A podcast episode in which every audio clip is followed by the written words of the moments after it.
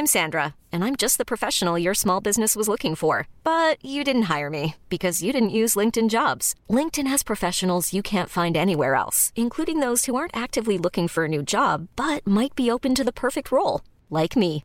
In a given month, over 70% of LinkedIn users don't visit other leading job sites. So if you're not looking on LinkedIn, you'll miss out on great candidates like Sandra. Start hiring professionals like a professional. Post your free job on linkedin.com/achieve slash achieve today.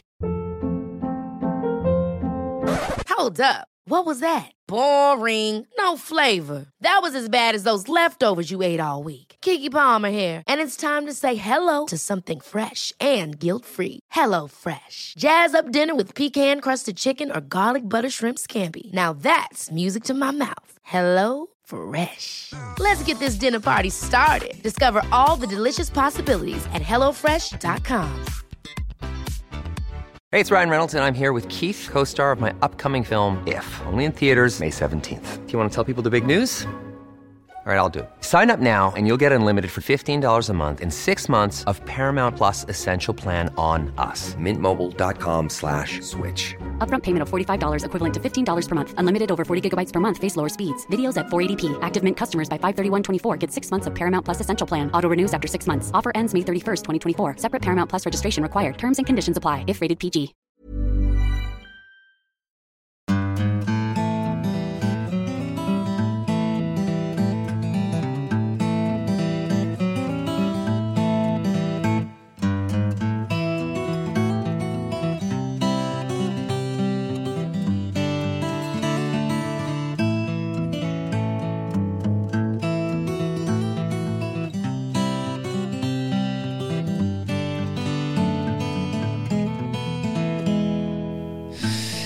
Hjertelig velkommen til en ny episode av Hall og knall-podden. Det er mandag, det er en ny uke, og vi skal eh, se tilbake på det som har vært. Og i dag så skal du få vår lesson learned etter to dager på gaupejakt. Ja. Mer om det litt seinere. Først og fremst, hjertelig velkommen til deg, Kristine. Tusen hjertelig takk skal du ha. Det er kanskje litt dumt å Du, det der var, jeg må faktisk skryte av deg. Det der var skikkelig sånn her profesjonelt eh, eh, Hva det heter um, Intro. Å ja, Ja.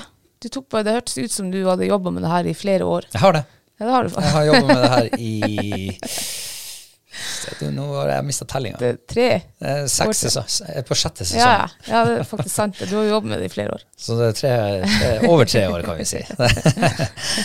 ja, ja, så nå ble du nysgjerrig, nå fikk du lyst til å sitte og høre på eh, Ja, jeg ble så paff, for vanlig så er det liksom Heia, hjertelig velkommen til din favorittpodkast. Slutt. Ja. Men nå var det liksom en story, på en måte. Ja, Ja. Veldig, veldig bra. Bra at vi klarer å utvikle oss bitte litt fra år til år. Ja. Ja, så får vi håpe at det er felles smak for flere også. Så håper det var flere enn deg som fikk lyst til å, å følge med fram til eh, Ja. lesson learned. Ja, hvordan er ståa for din del? Er det som en vanlig mandag, eller er det noe er det bedre eller dårligere, eller? Eh, ja, både og. Eh, så det er én ting jeg i hvert fall har lært i løpet av gaupejakta som vi skal snakke om etterpå. Det er at uh, man blir fryktelig trøtt på kveldene. Så det, det blir Og i går når vi, vi gikk og la oss i går kveld klokka åtte altså Det er jo da Vi gikk rett etter barne-TV, liksom. Ikke sant? Små barn eh, er jo sikkert enda lenger våken da. Og så sover vi altså i 10-11 timer. Og det kjenner jeg, jeg har vært fryktelig trøtt i dag. Hvor mange Så- timer sov du? Jeg tror jeg sov i 10,5 timer.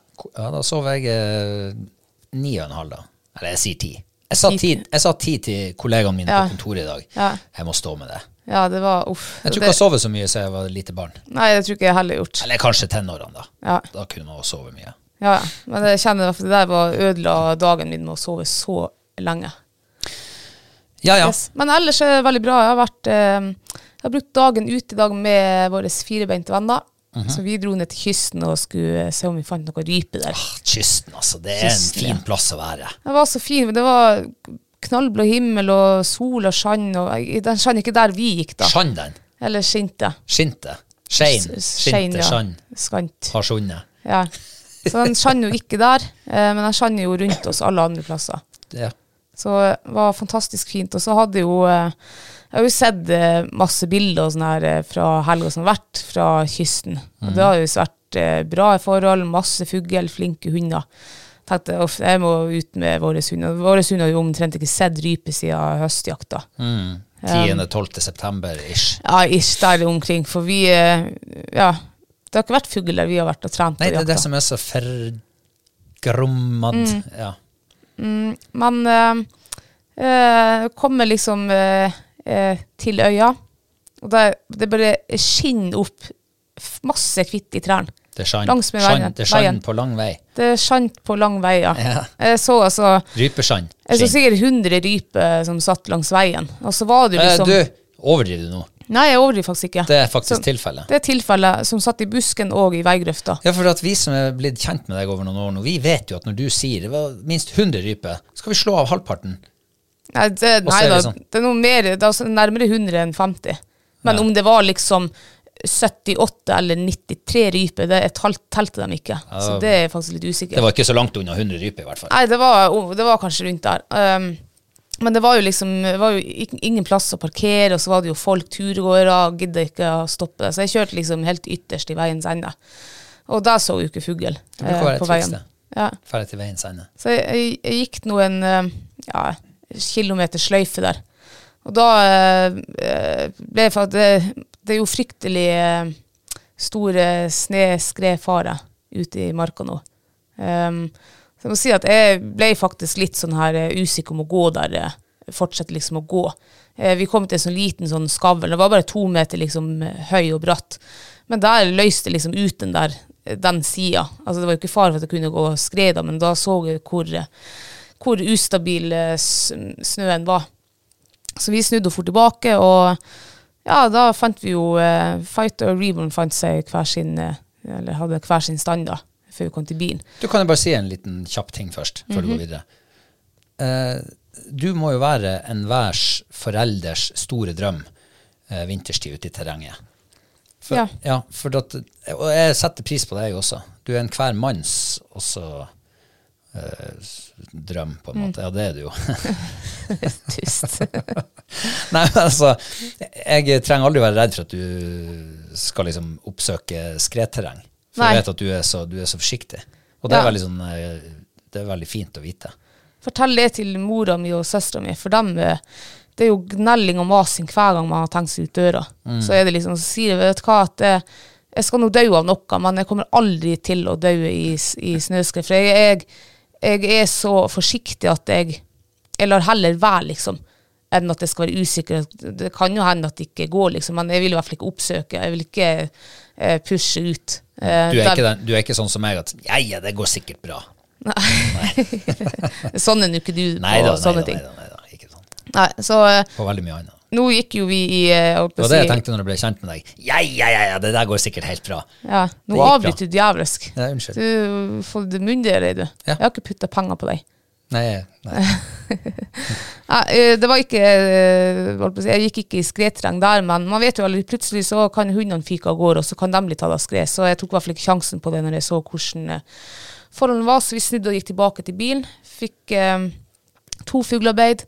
Og da tenkte jeg at oh, stakkars Klopp, eh, skal se om ikke jeg finner en, eh, en plass langs veien og stoppe, sånn at hun også liksom kan få rypekontakt. Jeg tror Klopp hun har ikke hatt omtrent eh, eh, rypekontakt siden 10. september. Um, så vi, rypen satt jo der, der de satt når vi for, eller passerte på morgenen. Så jeg stopper bilen der, og det sitter fugler 30 meter fra bilen i trærne, og, og liksom så langt øyet kunne se. Og da tenkte jeg yes, nå skal hun Klopp få prøvd seg. Det satt både i trærne og på bakken, og vi hadde god vind, og Jeg tar hun ut, og sender henne ut i søket, hun fyker av gårde. Fyker forbi den buska der det satt rype ned i fjæra, bort igjen, og sikksakk. Hun for som en Duracell-kanin der. Hun lukta, og hun hadde nesen i bakken hele tida. Det var god vind, eh, og hun, vet, hun sprang så fort at jeg, når hun nærma seg inn til meg igjen, så skulle jeg prøve å rope og få kontakt med henne. Så jeg ropte 'Klopp her', da stopper hun opp, kikker på meg og sier 'kom'. Nei, hun kom ikke. Hun viste med fingeren, og så sprang hun av gårde i den der tjukkskogen med masse fugler, bare for framover. Så jeg tok jo eh, skiene fast, og jeg sprang jo etter henne. hadde sprunget kanskje en par hundre meter. Der ser jeg rype ned mot venstre, eh, som er i lufta. Og jeg springer ned dit, og der er jo Klopp i, i full firsprang etter. Dæven steike, da kokte det, altså. Så da var det jo bare å, å lampe henne inn, og, så, og da, da gikk hun faktisk i bilen. Jeg tenkte at hun har ingenting her ute å gjøre. Eh, jeg må ha faktisk en jobb med henne. Vi, hun er jo blitt AK-hund. Vi skal jo stille på Arne-prøven om eh, hva det er, tre og en halv uke. Og så er hun faen meg plutselig blitt så rampete og kommer ikke på innkalling. Hun har jo faen vært den mest eh, stabile, lydigste hunden, liksom. Bare du, du kan rope liksom 'her' på 300 meter. Hun bare bråstopper og kommer rett inn. Men tydeligvis ikke når det er masse fugl i Hun visste vel at det var fugl i terrenget der. Hun lukta vel det. Bare, det gikk så fort at hun lukta ikke hvor den var hen.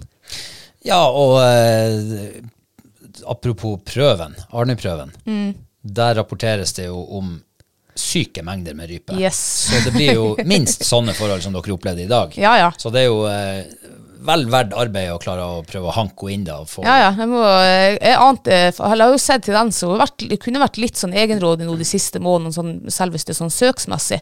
Men eh, det er akkurat innafor, og jeg tenkte at heller det enn eh, sånn som hun har vært her i høst, at hun måtte ha mast på henne for å få henne ut. Um, men det har jo tydeligvis utviklet Nå hører hun faen ikke etter. Um, men, det, det, men det er jo godt at jeg, at jeg fikk vite det i dag, da, for da har jeg jo faktisk tre og en halv uke å, få det på rett kjøl igjen. Ja, altså, det- hun kan jo. ja, ja, det tror Det jeg skal gå fint. Hun måtte vel bare få en, ja, måtte vel bare få en liten uh, opp... Uh, hva hva det heter Oppstrekk. Eller sånn uh, um, Det er for, blir forfriska i minnet, eller hva i farsken, hvordan man sier det. Ja, ja, ja. Skjønner hva du mener.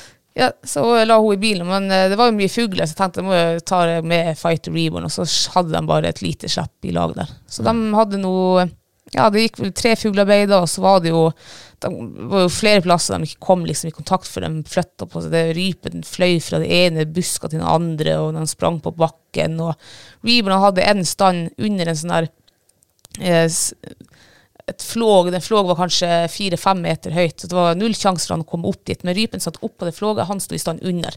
Og jeg kommer til, og ja, rypen fær jo borte fra oss, og, og han hadde jo ikke sjanse å reise dem heller. Så det var ja. Jeg tenkte liksom, hvordan hadde det her blitt dømt på en jaktprøve? Ja, det hadde han antageligvis blitt dømt på tomstand. Selv om han så rypen der oppe. Men så hadde nok hund fått komme seg ja. Altså, det var, Men det var, det var så mye fugl der. Jeg hadde samstand på Reborn og Fight. Eh, Hadde du Hall og knall-cup? eh, nei. Nei vel. Hvem som hadde vunnet den hvis det var Hall og knall-cup? Ja, Reborn hadde tre fuglearbeid uten reis. Fight hadde to fuglearbeid. Og så hadde hun ett med reis. Og så hadde hun også en støkk. Ja. Det var kanskje Reborn som hadde vunnet, selv om hun Fight hadde reis. Ja, han var jo, eh, han var jo rein. Ja, og rein vann. Ingen minus. Nei. Nei, men det er bra. Nei, men det var fint at du fikk en, eh, en, eh, en bra start på uka. Ja, det var, jeg, jeg har sikkert sett eh, 200 fugl i dag. Eh, mesteparten har jeg jo sett eh, eh, langs med veien. For det var jo også når jeg kjørte tilbake, hele den øya der, var- det satt jo fugl i trærne. Og det, til og med da jeg kom på fastlandet, eh, der her vi ikke har fugl omtrent, der satt det også i, i trærne. Veldig bra dag Ja, så altså. artig. Uff.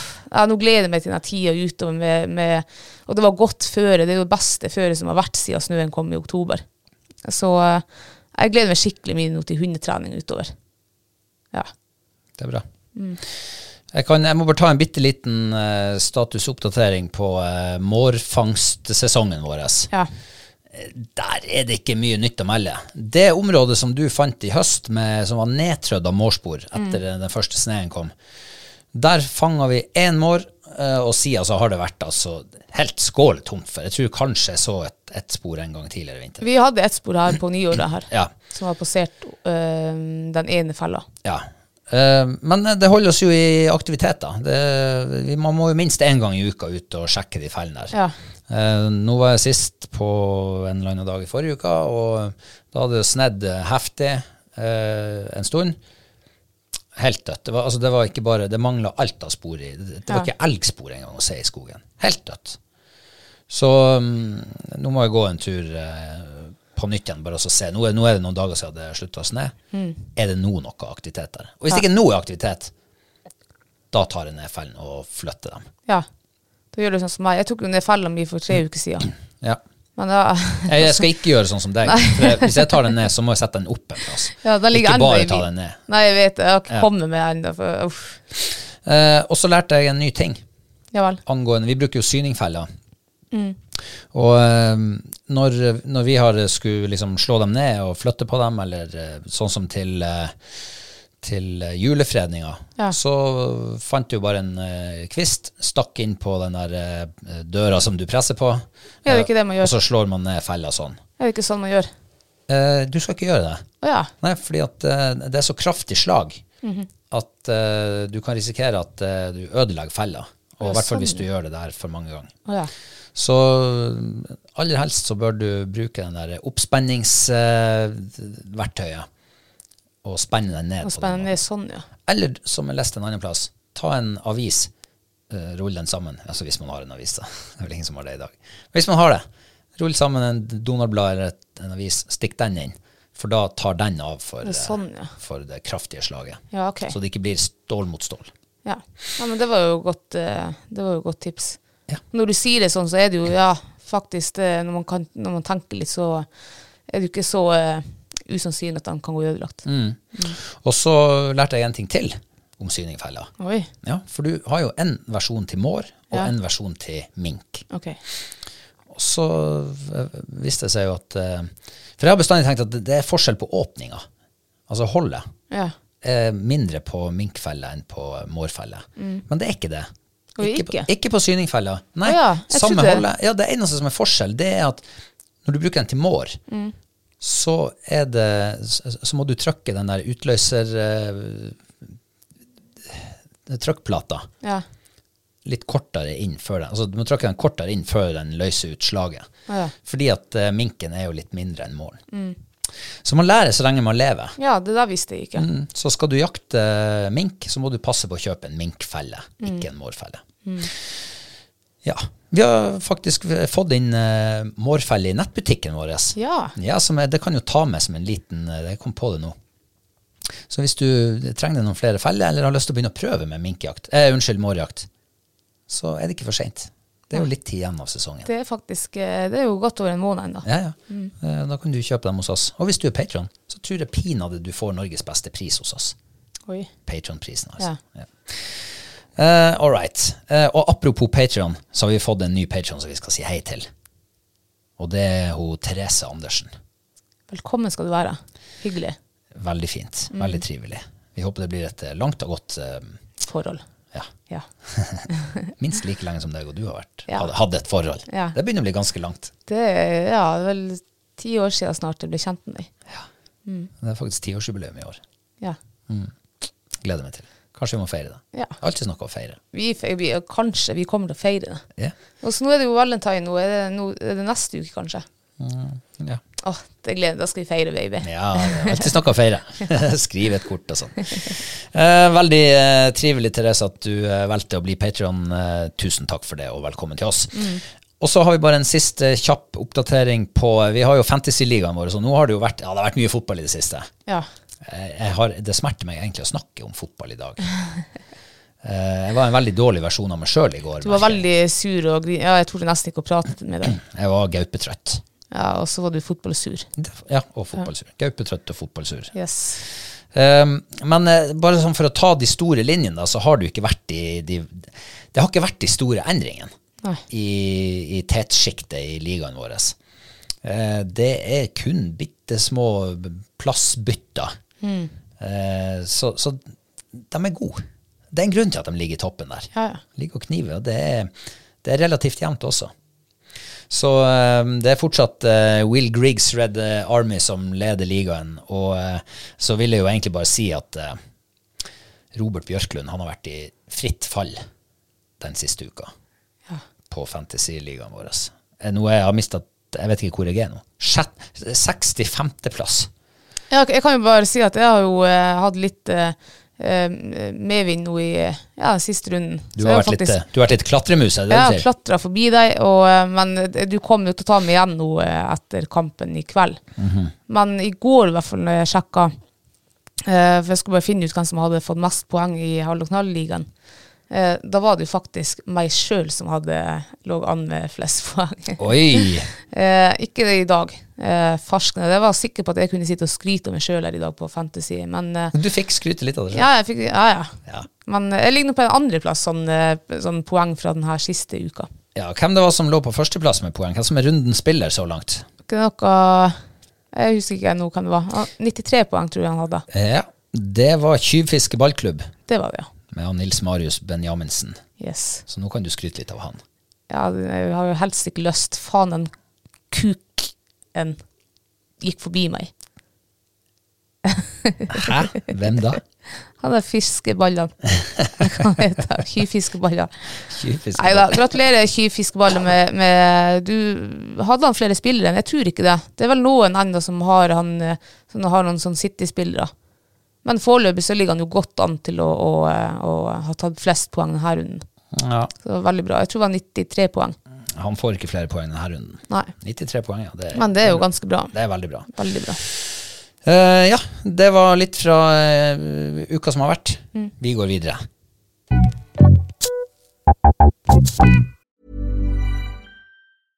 This is Paige, the co-host of Giggly Squad, and I want to tell you about a company that I've been loving, Olive and June. Olive and June gives you everything that you need for a salon quality manicure in one box. And if you break it down, it really comes out to $2 a manicure, which is absolutely insane. It's also so easy to get salon worthy nails at home with Olive and June. The difference between how your nails used to look when you did them yourself and now with the Manny system is a complete game changer. The best thing about Olive and June too is it's a quick dry. Dries in about one minute, lasts for five days, and full coverage in up to one to two coats. Visit oliveandjune.com slash perfectmanny20 for 20% off your first system. That's oliveandjune.com slash perfectmanny20 for 20% off your first system.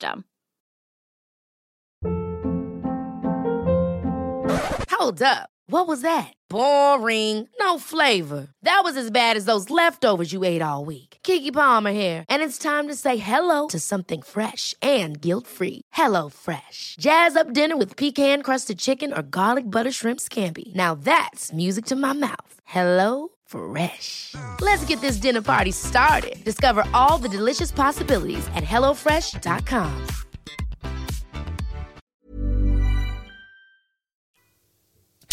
Ja, vi skal eh, Vi har jo eh, Det har jo vært gaupejaktstart. Ja. Torsdag gikk det store startskuddet. Yes. Og du som følger litt med i sosiale medier, har du, eh, har du Er det felt noen gauper rundt omkring i det landet? Ja, det er felt noen. Ja eh, men de, jeg satt jo på torsdagen liksom, og kjekk, men da var det så ikke en eneste gaupe som var liksom, eh, på sosiale medier. Um, hvorfor det kan godt hende ikke jeg er venn med, med gaupejegere. Eh, eller, eh, men det var liksom ingenting oppdatering. Men nå har det liksom strødd på. Um, det er felt både i, i Trøndelag og sørpå. Ja. Og ja, for hunder. Og jeg har så lyst på rovvilthunder. Jeg ser liksom de her støverne som sitter fornøyd og ah, vet hva, jeg savner støver. Gud, hvor jeg savner det. Men eh, ja, det ser ut som det har vært eh, mange flinke gaupejegere rundt om i landet nå her, eh, de her siste dagene. Eh, ja, for vår del, altså Det ble jo mye sporing i forrige uke. Ja, Uh, mye kjøring, leiting etter spor, men det var jo Det var ikke noe å se. Det var ganske dødt, altså. det var det. Jeg fant, eh, fant faktisk et gammelt gaupespor. Eh, 1. februar. Da eh, gikk jeg eh, eh, Eller jeg gikk bak åta mi her på huset. Der var det kommet en gaupespor. Um, de hadde mest sannsynlig gått der på mandag eller tirsdag i forkanten. Så um, Det røyk ikke av dem akkurat. Nei, det røyk ikke. av dem. Det var litt eh, snø i sporene. Men tenk, han passerte passert altså eh, revåta mi på 20 meter, og det virker som han ikke har angst at det ligger åte der. Han har bare passert rett forbi. Det det var ikke et stoppspor, det var ikke, det var ikke snudd seg, ingenting. Beint strek forbi. 20 meter. Har det vært eh, vind feil vei, kanskje? Det kan jo hende, men faen lukter de ikke ja, De kan jo ikke lukte hvis det er sterk eh, si, medvind. Mm. Ja, ja, kanskje det. Men eh, det er jo ikke første gang. Det er jo faktisk Det er jo noen ganger i året at gaupa passerer. Men det virker ikke som han er så jækla interessert i det jeg har å tilby her ute. Hva du tror han eh, er ute etter? En brødskive med leverpostei, eller? Kanskje, kanskje vi begynner å steke vafler eller noe sånt der. Ja, det bruker å funke til jerv, i hvert fall. Ja. Nei, jeg, skal, må, jeg skal prøve. Så nå var, jeg- heiv jo en tørrfisk nå i buska, sånn at den i hvert fall ikke ligger under snøen og hvis det snør. Så ligger han oppe i lufta og lager litt lukt. Ja. Det, altså, det der er Jeg tror Nå bare tar jeg ting helt fra lufta. Men jeg tror nesten at uh, rovdyr uh, som gaupa jeg tror de har litt bedre nese enn som så. Jeg tror ikke det gjør noe om den skulle ligge litt under sneen, eller Nei, det gjør sikkert ikke det. Men tenker, ja, ja. Man vet jo ikke. Nei. Men eh, det, da, da skjønner jeg på deg som at det er, det er flinke folk eh, som er på gaupejakt rundt omkring. Yes, Ja. det er det. Og det tar oss jo over til eh, ja, jeg vet ikke hva vi skal si, oss glade amatører Ja. som, som har vært på gaupejakt i helga. ja, hvordan har det vært? Uh, nei, det har jo vært uh, Hva jeg skal si en, uh, man, man sitter jo nå i ettertid, og i hvert fall jeg gjør nå det, jeg føler at jeg har kasta bort to dager. Å, ja. Som jeg heller kunne ha brukt på fjellet med hundene våre. Ja, for eh, på fredag, eh, når vi liksom satt og skulle detaljplanlegge helga litt, grann, ta de store beslutningene på hva skal vi gjøre, Ja. hva skal vi bruke de to fridagene, fridagene til. Eh, da var altså statusen sånn at vi har eh, ikke sett ferske gaupespor på hele uka, Mm. og hadde ikke hørt om noe heller. Nei. Eh, vi hørte riktignok at det var felt en gaupe på Åte her i kommunen, Ja. Eh, men that's it. Mm. og det var folk som var ute og spora flere plasser i kommunen. Ingenting å se. Nei. Så vi hadde egentlig bestemt oss for at eh, vi skal opp lørdagsmorgen og fære til fjells med hundene. Yes. Og så kommer det altså melding på, på fredagskvelden. Eh, Det begynte å bli ganske seint. Ja. Fra Karl Carl Petter, vår eh, gode venn og eh, medprogramleder, gjesteinntredende vikar, eh, kjært barn av mange navn, Ja. som hadde observert eh, ferske gaupespor rett bak huset hans. Yes.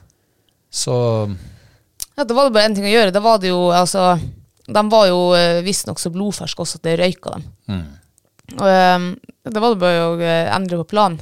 Ja. Ikke fjelltur, men gaupejakt. ja. Og eh, ja, da, da kjente jeg jo at dæven, nå har vi sjanse. Vi visste jo hvilket område mest sannsynlig hadde foren dratt ut til. Um, Og vi fikk eh, endelig ta i bruk jaktradioene som vi kjøpte for tre år siden, ja. til forrige gang vi var på gaupejakt. Så vi har faktisk bare brukt dem én gang. En gang. Da har vi brukt fire dager til sammen nå. Ja. Eh, Så det var jo eh, Da kjente jeg at eh, ja, nå driver jeg også liksom forbereder meg inn i gaupejaktmodus. Finne fram de der jaktradioene, lade dem opp. Prøve å huske hvordan var det man brukte det, hvordan skrudde man dem på. Rote fram gammel RTX fra Forsvaret, som jeg hadde lært en gang i tida. Hvordan var det man skulle prate på samband. Ja. Det gikk jo ganske fort opp for meg at det er ikke riktig så strengt på jaktsamband som på militært samband. Du må kanskje snakke på de nivået, altså ikke militært nivå, for det er ingen som skjønner deg. Eh, vet du hva? Dette tror jeg du tar skammelig feil. Tror du det? Fordi at eh, å prate på, med militær eh, presisjon på samband, det gjør at det blir enklere å forstå. Ja, det kan. Det- Men når det kommer de der Bravo og masse sånne navn, så skjønner i hvert fall jeg skjønner ikke bæra. Nei, nei, men, men eh, det, det er jo en eh, Det første du lærer når du går på sambandskurs i militæret, det er jo tenk, trykk, tal. Ja. Ikke tal, trykk, tenk etterpå, for det blir bare surr. Og jeg må bare si én ting til alle som ikke har uh, hatt RTX eh, radiosambandskurs i Forsvaret. Trykk inn knappen et lite halvsekund før du begynner å prate. For veldig ofte så begynner folk med Robert, eh, hvis de skal ha tak i meg, hva er posisjonen din nå, eller ser du noe derifra? Og når, jeg, eh, når de har sagt Robert før de har trykt inn knappen, så aner ikke jeg hvem de prater til. Nei, det blir Ingen andre. Ja, i beste fall. Eller ert. Eller bare, t- Hvor er posisjonen? Ja. eller bare hvor er du? Ja. Så trykk nå inn den der fordømte knappen før du begynner å prate. Yes. Mm. Ja, men det, da, da har vi jo lært noe. Ja, Ja. du kan takke meg senere. Eh, ja, altså min knapp funker jo ikke, for jeg vet ikke hvor mange jeg har trykt den knappen der, og så er det ingen som hører meg, så jeg måtte jo, jeg synes egentlig den jaktradioen bare var, et, eh, var i veien. Jeg kjenner, jeg liker faen ikke jaktradio. For det som er på, jeg måtte ut med den fra lomma hver gang jeg skulle svare og sånn der. Og, for der funka det. Men den knappeduppeditten jeg hadde der oppe under haka, den eh, har ingen som hørte meg. Nei, nei, men det, hvis du hadde hatt en knapp som funka, så hadde jo alt vært såre. Ja, men faen, den er jo ny, vi har brukt den to ganger. Ja, men reklamasjon. Ja, kanskje det. Reklamasjonsgrunn. Hvis det går an til tre år etter man har kjøpt seg. Nei, men Kan ikke du fortelle litt om hvordan det var det her? Hvordan helga utspant seg sånn i korte trekk? Nei, altså Vi hadde jo eh, rykende ferske gaupespor på fredagskvelden, og da visste vi jo at eh, skulle vi Det er jo ikke så lange dager her nordpå, Nei, så at, eh, du må jo bruke Du må opp ganske tidlig. Mm. Hvor tidlig da, sånn cirka? Ja, vi, ja kanskje femtida. Det begynner å lysne sånn åtte-ni-tida begynner å lysne. Så vår oppgave ble jo da å skulle avspore denne gaupa liksom, fra der den hadde gått inn. Fra morgenen. Bruke bilen liksom og, og ja, finne ut. Og vi så jo ikke noe spor. Og vi spor oss liksom rundt, og ingen spor. Og så var det en annen kar da som var på ganske langt eh, borte fra oss og spora. Og han hadde sett da de her ferske gaupesporene. Um, så da, vi visste jo at det her eh, mest sannsynlig var eh, kanskje fra morgensparten det siste sporet vi fant. Eh, når man tenker liksom på avstand der den hadde vært på kvelden. Eh, og da er det jo bare å eh, så Vanligvis er det jo bare da å, Du må bruke tid på å legge en plan. Kanskje ha et stort kart foran deg og se an terrenget, hvordan er det, og hvordan kan vi angripe der. Eh, jeg føler nå i ettertid så føler jeg at alt egentlig ble eh, gjort i tju og hei. Det vi kommer dit til det sporet der. Og så det liksom, vi må finne ut hvordan retning har gått. Ja, altså jeg kan ta på meg skiene og gå opp. Ja, gå du opp. Og så gikk jeg jo opp, liksom. Jeg gikk eh, bort ifra gaupesporet, liksom i motsatt retning. Eh, og han hadde ikke kryssa mitt spor. Jeg gikk helt under fjellfoten og brukte kikkert. Og skulle han ha kryssa, så måtte han vært ganske langt oppe i fjellet. Og så gir jeg beskjed at eh, ingen spor til venstre. Ja, om jeg fulgte hvordan retninga gikk. Nei, så jeg fulgte ikke gaupesporet. Ja, om jeg kunne følge det. Ja, ok, selvfølgelig kan jeg følge det. Så jeg gikk jo ned igjen, fant gaupesporer. Gikk etter det 300 meter. Støkk ut av dagleia før vi i det hele tatt hadde begynt å jakte på dem. Der lå jo en halvspist hare. Eh, og eh, gaupa borte. han har sikkert bare ligget og hadde veldig god kontroll på meg oppe i bakken der. Det var jo litt sånn tett skog også, så det var ikke bare å, å, å se. Og da, kommer, da sier jeg at ja, nå er det støkk av gaupe fra daglige. Ja, kom bare ned. Og så kjørte vi liksom i motsatt retning og skulle avspore at han ikke hadde gått forbi der. Eh, og da finner jo en kar et springspor av som gaupa hadde sprunget, liksom. Og da tenker jeg faen, det har gått ut liksom av den tiltenkte gauperingen. Og vi kommer opp dit, og jeg ser jo at ja, her er jo et stort dyr som har sprunget. Eh, tenkte jo egentlig ikke så mye mer over det, for jeg visste jo at gaupa var på føttene. Eh, Det eneste jeg tenkte var bare faen hvor fort han eh, klarer å bevege seg, liksom. Eh, og så synes jeg også var jævlig rart, for jeg, jeg gikk litt etter baksporet bare, men det var bare springspor så langt øyet kunne se. Jeg synes det var litt rart egentlig at det var, for jeg har jo spor og gaupe før, og de springer jo helst ikke. De kan gjøre et buksia hvis du kommer for nært, men det er vanligvis ikke mer enn 20, maks 30 meter, liksom, og så er det gåspor igjen. Og så reagerte jeg også litt at det var kanskje, det så nå litt smått ut, men det var jo ganske stort, liksom. Eh, så vi... Eh, ja, vi kom jo ned igjen og lagde en plan. Vi, det skulle jo være med jegere fra andre plasser også, og de var jo ikke der fra, fra vi starta, så vi måtte jo vente jeg vet ikke, Det gikk sikkert to timer før, eh, før vi ble liksom eh, alle mann på plass. Så det, det, det, tok jo lang tid, og vi visste jo at en gaupe hadde sprunget. Det er jo to timer siden en gaupe hadde sprunget forbi der. Men vi gjorde et forsøk, da, så vi sporer jo enda litt lenger bort derifra, og der så vi ingen gaupespor. Og da tenkte vi ok, men da ligger han eh, sikkert inn i ringen her. Så vi ringa jo den og la ut poster, og så var det en kar som skulle gå med hund. Eh, nå, nå er det sikkert tre-fire timer siden den gaupa liksom sprang der. Og så får vi, hører vi bare Når eh, hundeføreren hadde kommet på plass og gått etter, så sier han nei, nå har han gått ut av ringen. Jeg tenkte helvete. Og så sier han men det var det her er ikke gaupespor, sier han. Det var litt rart. For det var liksom bare springspor hele veien. Og det hadde vært i flere hundre meter. Og det hørtes jo i hvert fall rart ut. Og når vi da liksom kommer ned og kikker så ser jeg det er jo faen meg en rev som har sprunget der. Så vi ble lurt. Vi brukte fire timer da på det jævla revesporet. Å, herregud. Og så er det jo ned igjen, og så eh, går jo hundeføreren dit bort som jeg hadde støkket han ut på dagleie. Og så går han rundt og ringer han, og da ser han jo at han har gått egentlig rett fra dagleia, over haugen, og så rett opp til den bratteste fjellsida du har. Og der oppe antageligvis lå han en plass. Uh, to- han torde ikke å slippe hunden opp for å presse han ut igjen, og så egentlig hele den dagen der gikk jo i dass. Ja. Ja. Det var jo relativt kort fortalt uh, hvordan første dagen på gaupejakt Ja. foregikk. Ja.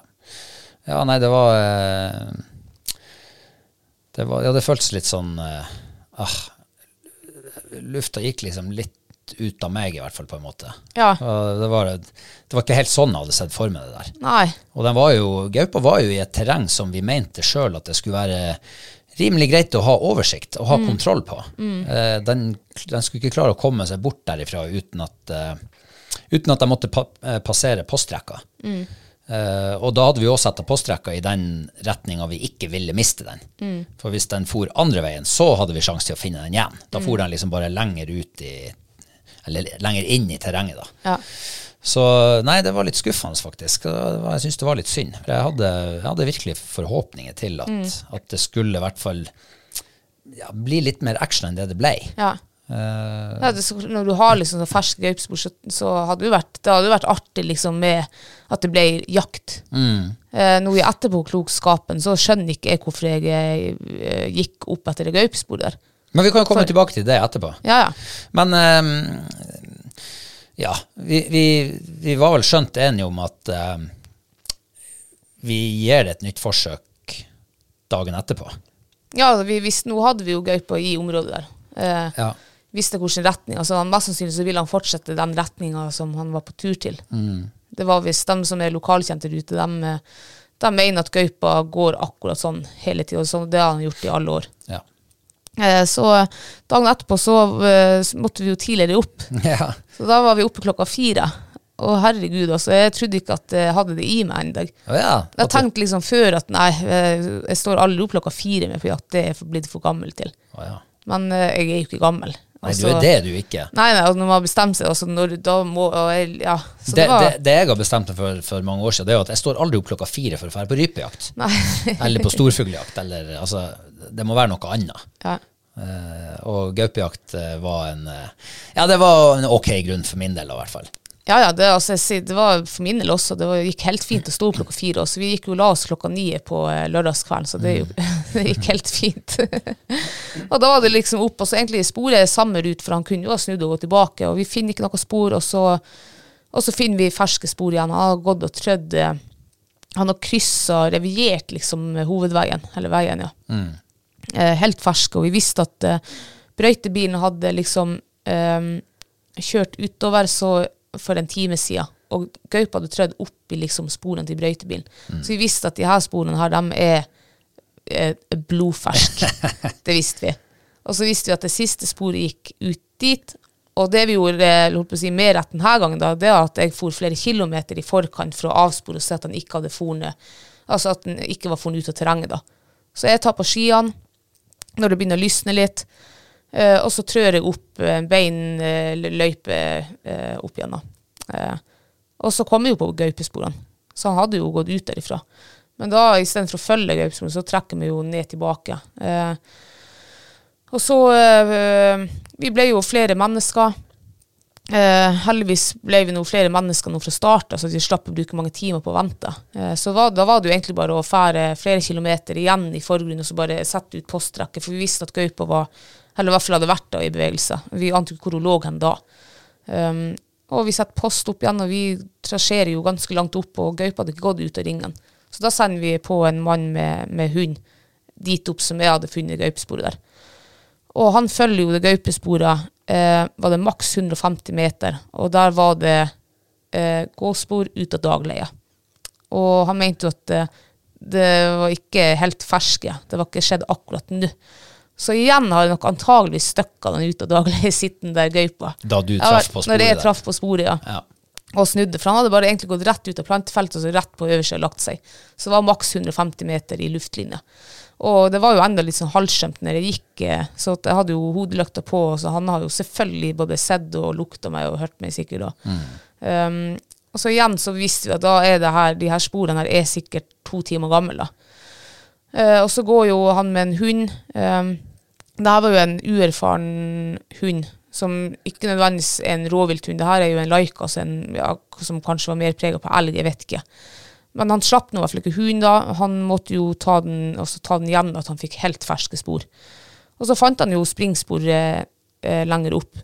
Um, og da slipper han jo hunden på. Men hunden tok jo ikke det sporet. Hunden hadde visst gått til venstre, og gaupen hadde gått opp til høyre. Og så føyk det jo noe djevelsk den dagen der. Så der skogen ikke tok for vind, der var jo sporene helt eh, altså borte. Og det så jeg jo sjøl der jeg satt på post. Altså når jeg, ja, når jeg gikk opp til posten min, jeg kjekk bak, jeg så ikke skisporene mine. Så de føk igjen på bare på noen sekunder. Og klart, da er det jo vanskelig. Når du heller ikke har en hund som følger sporet, så er det jo en Det er jo Ja. Det går jo nesten ikke an. Så han gjorde jo så godt han kunne, han mannen her, og, eh, og fulgte på. Og, og til slutt så mista han sporene. Vi, vi, eh, vi ante ikke hvor de for den. Så mest sannsynlig har han jo bare dratt rett opp til fjells, da.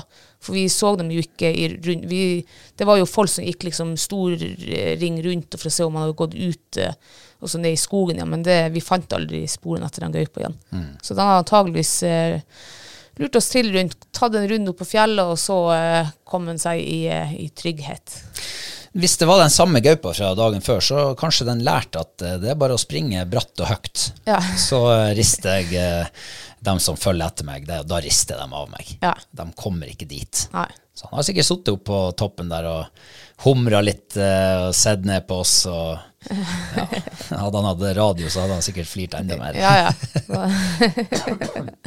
Nei, så var det nok en sånn der ah, Men, men det, jeg sier ikke at eh, jeg, jeg er ikke den der oppgitt for at vi ikke lyktes, men eh, for det, det gjør med gaupe kanskje sikkert noe av det vanskeligste du kan jakte.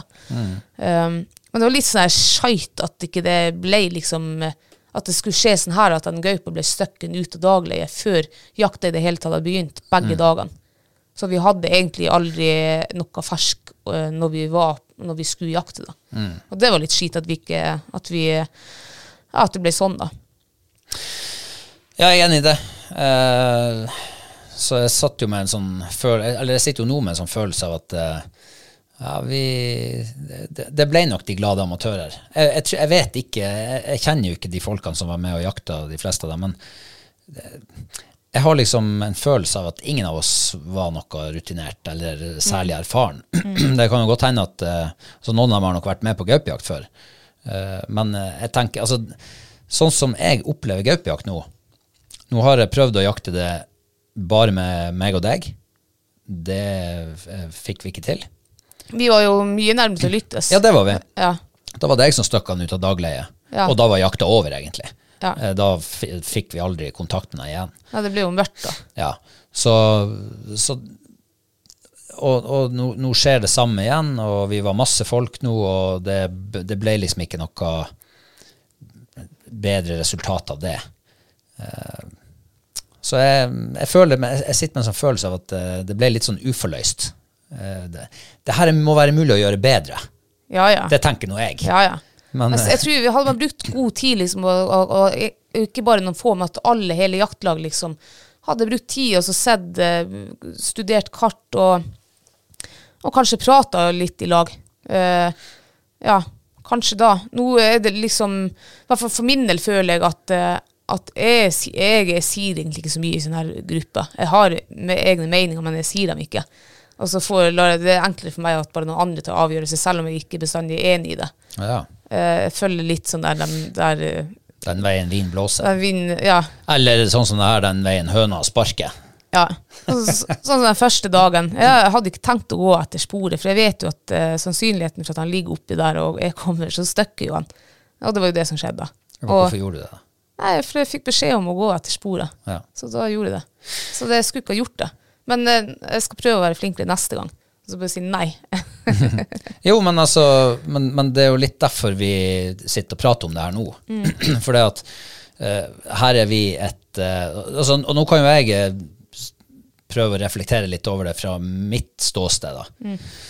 Eh, det jeg har på følelsen av skjedde denne helga, det er at vi møtes masse folk som er fremmed for hverandre. Jeg hadde jo bare sett fjesene på bare noen få av dem som var med.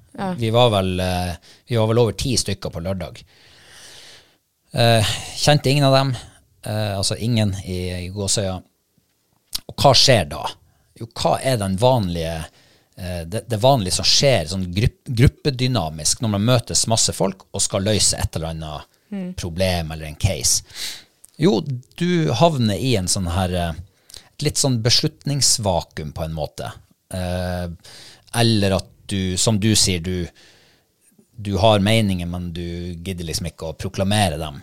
For du, du håper at noen andre tar beslutninger, eller liksom Ja, det er sikkert feil, og det er flere også som føler på det. Når man kjenner, hadde jeg kjent liksom hele gruppa, da hadde det vært noe annet. Da kunne jeg ha sagt liksom det jeg tenkte. Men når man ikke kjenner liksom, og, og man føler kanskje at, eh, ja, at man ikke er så erfaren, og hvorfor skal jeg, hvorfor, da gidder jeg liksom ikke. Da, ja. Ja, altså, og hvis nå min hypotese her stemmer, at, at ingen av oss var noe særlig erfaren, så, ja, så tror jeg alle havner i den der, uh, i den, jeg kaller det for fella. Ja. Um, men det er et sånt stadie, det her lærte vi litt om når vi hadde liksom ledelse og sånn her på, på befalsskolen. Det er et stadie i ethvert forhold, enten det er oss to imellom, eller en gruppe av mennesker, eller eh, ja, kanskje et helt samfunn, for, for hva vet jeg. Men før du liksom er blitt godt kjent, så er det et stadie som heter rosa sky. Ja. I hvert fall var det omtalt som det da. Eh, og og da, det er et sånt stadie hvor du egentlig er Du er konfliktsky. Du vil ikke liksom eh, være den brauthesten som tar styringa, eller tar overkjører de andre, eller prater for høglytt. Eh, og alt blir glatta over. Eh, sånn som du sier, at du, du ville jo aldri gått egentlig på de sporene. Nei. Men siden det ble en sånn Det ble sagt jo, bare gå på sporene, så gjør du det. F- eh, Fordi at man vil ikke trø folk på tærne. Man går veldig lett. Man trør forsiktig.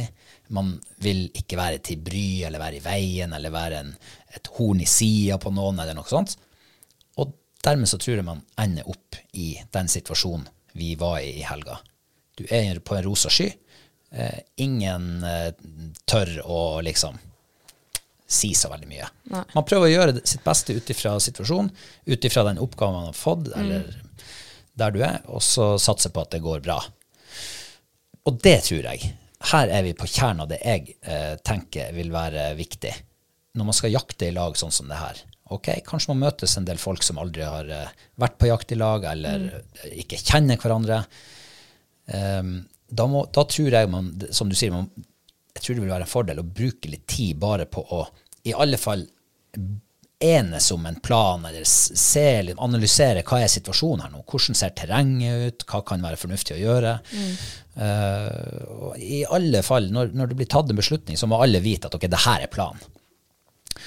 Aller helst bør man jo kjenne hverandre. Eller så må man ha en sykt god eh, jaktleder som har masse erfaring, som kan ta den styringa på vegne av hele gruppa, og si at eh, nå er det lurt å gjøre sånn, gaupejakt fungerer sånn, vi er nødt til å gjøre det her. Eh, jeg har jo hørt om å ringe gaupa, nå skjønner jeg jo hva det er. Ja. Eh, og og okay, hvordan angriper man det? Hvordan ringer man en gaupe? Jo, åpenbart ikke gå på sporet, for da støkker den. Så ja, alt sånt der, det, det tror jeg er I hvert fall det jeg sitter og føler på, er, var litt mangelvare nå, da.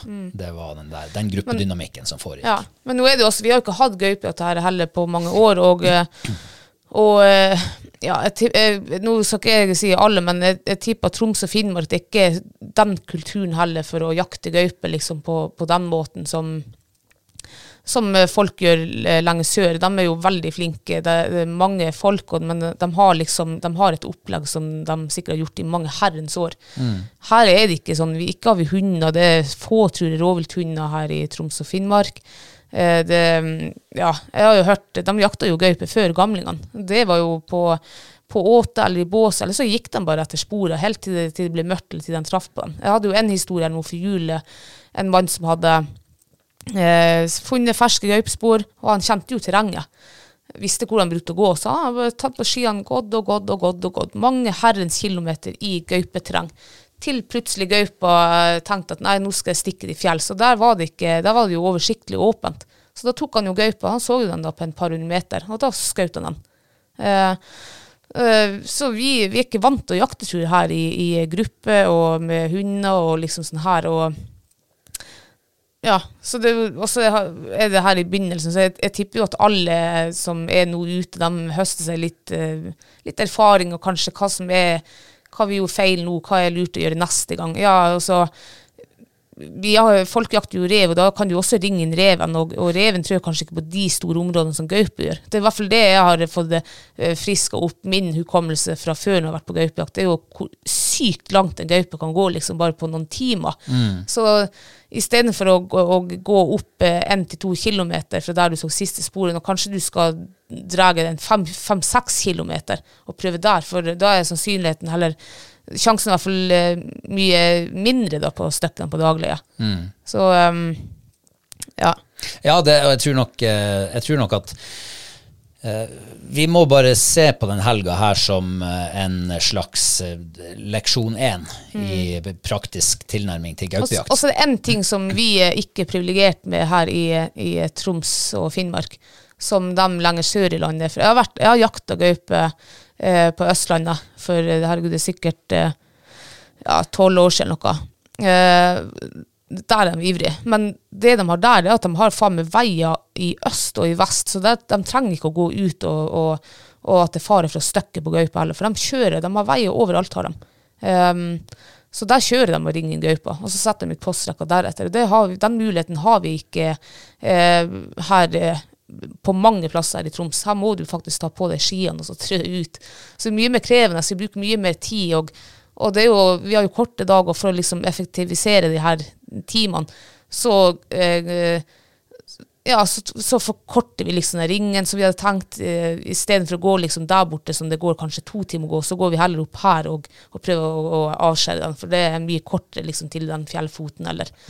Så, eh, ja, så det er vanskelig, tror jeg. Jeg tror det er vanskelig med gaupejakt her oppe i, i Troms. Ja, og så En annen ting er jo topografien her. Ja. Hvis man sammenligner med Jeg, Ja, ja. jeg tenkte på Sverige, f.eks. Helt flatt. I Sverige er det helt flatt. Østlandet mye flatere enn her. Du Mm. har ikke nødvendigvis de der eh, de der bratte skrentene og urene og fjellene og, og Ja, ikke sant. Så, som er ordentlig gaupeterreng. Mm. Går gaupa opp dit i, i, i de bratteste terrengene, så du kommer deg ikke etter. Eh, og det, det er jo bra, så bratt mange plasser at hundene kommer seg ikke heller. Mm. Det er kun gaupen som klarer å, å komme seg opp der. Og det er klart at eh, det gjør det jo vanskelig, og, og mer krevende. Så, og selvfølgelig skal du gå 400 høydemeter for å komme deg opp på post, så går det nå litt tid, det Jo, også. du fikk mer erfare nå. Ja. Det tar litt tid. ja. så, men men sant, man må jo prøve å gjøre det beste ut av det. Men, eh, Ja, ja. men eh, det, ja, den viktigste lesson learned er nå vel i alle fall å, å gå nå ikke på sporet når du skal finne ut av hvor den kan være, den gaupa. Gå, gå flankemarsj. Ja. Og så tror jeg jo det er fornuftig, i hvert fall eh, når det er manko på dagslyst, at dagene er litt kort, så, så man må være klar når det lysner. ja. Da må man være klar. Og, og vi ble jo stående på, på søndagen og, og egentlig vente på lyset før du begynte å gå på det sporet. Eller gå for å, å lete det sporet, se om du fant det. Uh, og det er klart at uh, da bør jaktlaget være klar. ja. Uh, straks det er skytelys, så må man liksom iverksette iverksette et eller annet. Så ja, nei, det var artig. Jeg ble jo sittende på post rett i nærheten av deg. Eh, og eh, det å ha jaktradio jeg, jeg er jo ikke vant til å bruke det. Jeg har brukt det tre ganger i mitt liv. Det, er litt, eh, det er litt trivelig. Du føler ikke at du sitter alene på post, Nei, nei, selv om det- du sitter alene. Ja. Så du, du, får liksom, du følger med på hva som skjer. Du får oppdatering, du vet hva som Ja. Og så har jeg lært meg én ting. Ja, Det er noe helt annet å sitte på post enn å fære og trø i fjellet. ja det er det. Klesmessig. Yes. Eh, på lørdag så hadde jeg jo eh, jeg, hadde, jeg hadde skift med meg, det hadde jeg. Det innerste laget. Ja. For jeg tenkte at blir det gåing, så blir det svett. Da skal jeg i hvert fall ha noe tørt å skifte til. Og jeg ble jo svett. Skifta til det tørre, eh, og, men det var jo altfor lite. Så sånn eh, frysemessig så var det jo Guds løkka at eh, jakta ble eh, avbrutt. For der oppe på fjellet, der var det kaldt, og der blåste det. ja, det var kaldt. Og du skulle bare rett ned i skogen, liksom 40 meter foran posten min. Der var det vindstille. Ja. Men akkurat der posten var brrr. Så søndagen, da hadde jeg med meg Den tjukkeste dunjakka jeg har, og, og ja, votter og greier og greier. Det funka. Ja. Men det jeg glemte, det var jo at eh, jeg har jo bare en tynn bukse på meg, Ja. på beina. Ja, men var- da vet du det til neste gang. Ja, så eh, Eh, nå blir det å pakke mer klær med meg eh, neste gang vi skal på sånn postjakt. Ja. Der jeg, på, jeg holdt på å fryse meg i hjel oppe på fjellet på lørdagene. Så jeg tenkte jeg kanskje jeg skal eh, ta noe mer med i sekken i morgen. Eh, og når søndagen kom, så tenkte jeg, da så jeg at faen, jeg har jo en litt tjukkere jumper nedi sekken, så da treng, trenger jeg ikke å ta noe med da. Så jeg holdt på å fryse med hjelp av den posten, på, for der satt vi faktisk et par timer. Mm. Faen, det var kaldt. Det var så sur vind var det. Men jeg hadde jo enda den jævla tjukke jumperen i sekken, men jeg gidda ikke å ta den opp. Så jeg, så jeg satt og prøvde ikke å ha kontakt med klærne, Oi, klærne mine. komastilling. Satt i komastilling der i to timer, og så prøvde å være liksom musestille, og hvis plutselig gaupa duk, dukka opp. Og, Du, vet du hva toppen på latskapet er? ja, jeg vet det. Hva er det?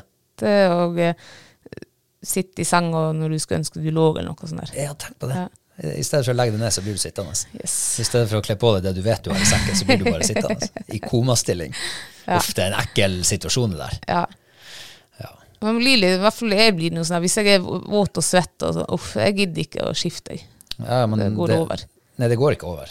Det er det som er Med en gang du begynner å røre på det, så går det over. Jo, men når du blir sittende Jo, i to timer, det, det, da går det ikke over. Nei, det gjør ikke det. Og det skal faktisk ikke mye fuktighet til heller før du, eh, før du fryser det forderva. Nei, det er sant. Så eh, jeg var jo sjeleglad for at jeg hadde skift med meg, eh, og da hadde jeg tørre klær inn mot kroppen. Og da, da gjør det ikke noe.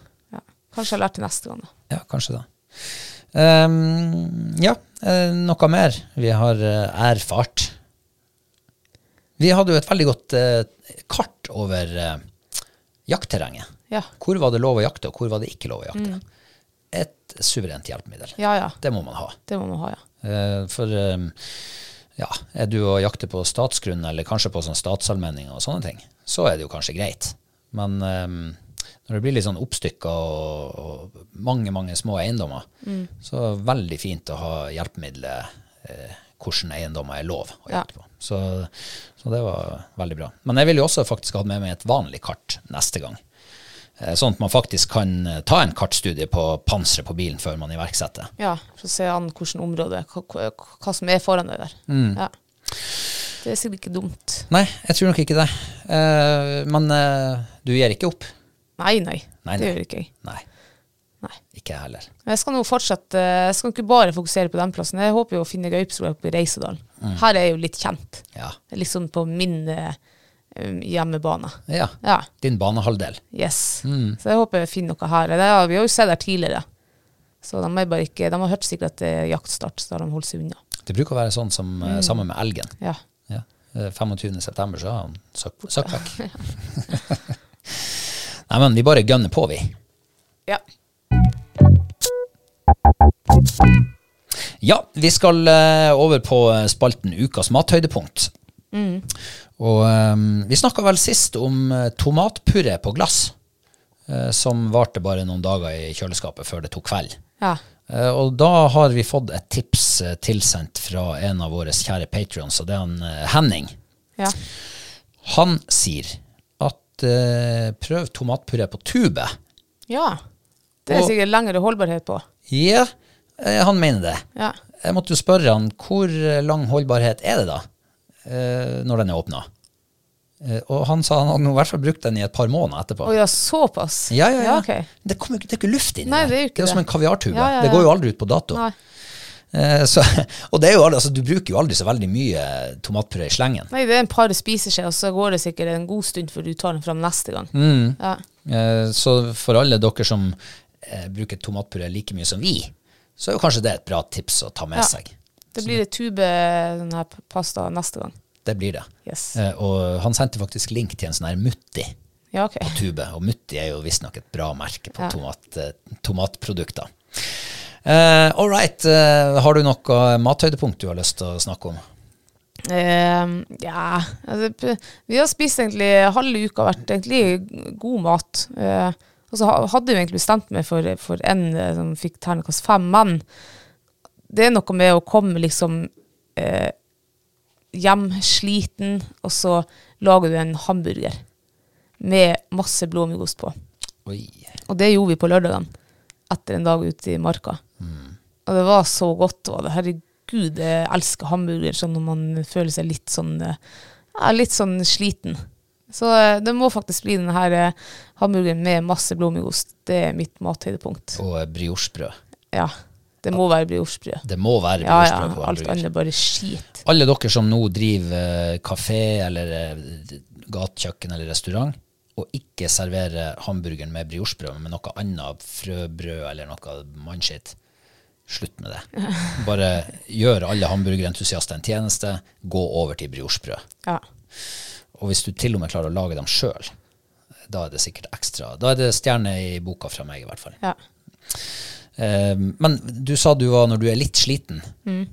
Vi kan vel være så ærlige å si at eh, når vi landa her eh, både på lørdag og på søndag, så var vi vel mer eller mindre eh, søkksliten. Jeg altså ikke sliten i den forstand. Jeg var masse sånn der trøtt. Det var to dager på rad du står oppe ganske mye tidligere enn enn du vanligvis gjør. Ja, så jeg sånn. tror det er det jeg blir mest sliten av. Jeg blir trøtt, gjør jeg. Ja. Jeg blir skikkelig altså Når klokka var At vi hadde spist sånn i sekstida på eh, hver ettermiddag, så hadde jo jeg klokka elleve i hodet. Mm. Uh, så jeg blir mest sånn der at jeg, blir, jeg tror jeg blir trøttsliten. Ja. Ja. Ja, men du, for du er jo ung ennå. Jeg Ja, jeg jo blir også ung, men jeg er ikke så sliten av å ung. gå liksom noen kilometer. Det gjør jeg ikke. Nei, men jeg, ble, jeg var sliten. Ja. Eh, I går, søndag, da vi, da vi landa hjemme, da var jeg dødsliten. Skikkelig dødsliten. Så, Sånn verre enn godsliten. Ja. Men det er jo en deilig følelse, det, Ja, ja, på, det på, på sin måte. Ok, vil du ha mitt mathøydepunkt? Ja. Det eh, var da en uh, kylling sweet and sour. Ja. Ja. Kyllingbrøst, stekt i panna, uh, og så var det laga hodekål, faktisk. Mm. Som var Var den wokka? Den var nesten kokt i noe buljong. ja, vel kokt i olje og Herregud, jeg husker ikke noe. Ja, det var noe sånn kraft. Ja. Og så var det en sweet and sour eh. Mm. Hjemmelaga, det òg. ja. Det syns jeg var veldig godt. Du syns den var litt søt, den der Jeg sausen. syns nok den var litt søt, ja. Hele retten var litt søt. Ja, jeg syns ikke det. Jeg syns den var sånn deilig sødmefylt, bare. Så Ja. den passa tunga mi perfekt. Uh, så det var min, uh, mitt mathøydepunkt. Uh, og da har vi eh, til slutt nå eh, ukas life hack. Ja. Og da har vi fått et eh, tips ifra eh, Det er også fra en av våre patrions, han Alexander Pettersen. Ja, okay. Han eh, sier eh, ikke akkurat en life hack, men mer et tips, kanskje. Ja ja, same same. Vi er ute etter begge deler. Ja. Når man er på tur i et område der man har lite eller ingen dekning på telefon, så er det lurt å skru på flymodus for å bevare batteriet lenger.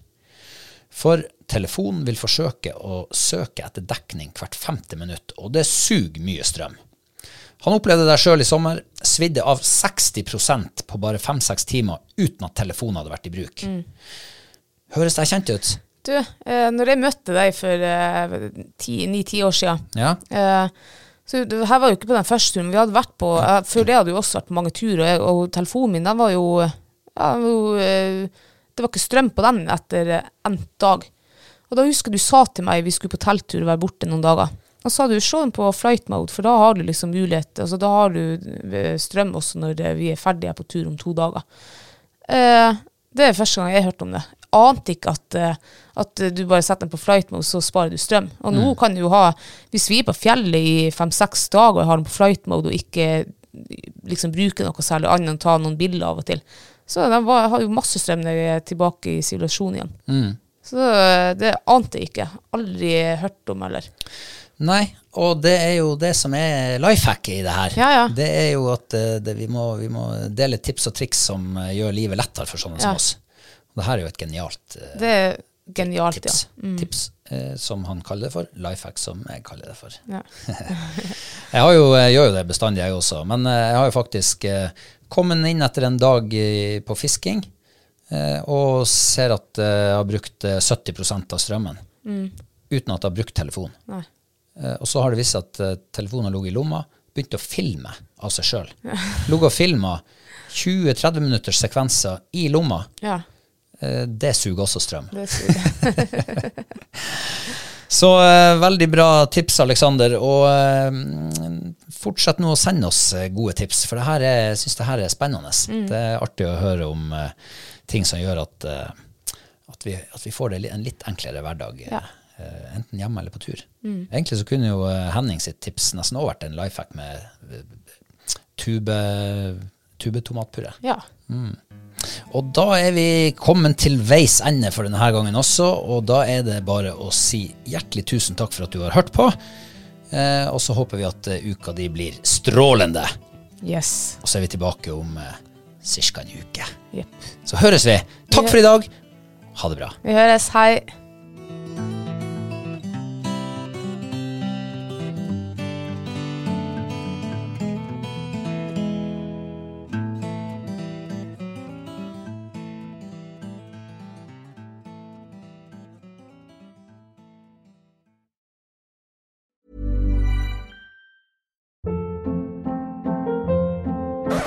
Up. What was that? Boring. No flavor. That was as bad as those leftovers you ate all week. Kiki Palmer here, and it's time to say hello to something fresh and guilt-free. Hello Fresh. Jazz up dinner with pecan-crusted chicken or garlic butter shrimp scampi. Now that's music to my mouth. Hello Fresh. Let's get this dinner party started. Discover all the delicious possibilities at hellofresh.com. Hi, I'm Daniel, founder of Pretty Litter. Did you know cats tend to hide symptoms of sickness and pain? I learned this the hard way after losing my cat, Gingy. So I created Pretty Litter, a health monitoring litter that helps detect early signs of illness by changing colors, saving you money and potentially your cat's life. Pretty Litter is veterinarian developed, and it's the easiest way to keep tabs on your fur baby's health right at home. Go to prettylitter.com and use code ACAST for 20% off your first order and a free cat toy. Terms and conditions apply. See site for details. Imagine the softest sheets you've ever felt. Now imagine them getting even softer over time. That's what you'll feel with Bowl and Branch's organic cotton sheets. In a recent customer survey, 96% replied that Bowl and Branch sheets get softer with every wash. Start getting your best night's sleep in these sheets that get softer and softer for years to come. Try their sheets with a 30-night guarantee. Plus, get 15% off your first order at bowlandbranch.com. Code BUTTERY. Exclusions apply. See site for details.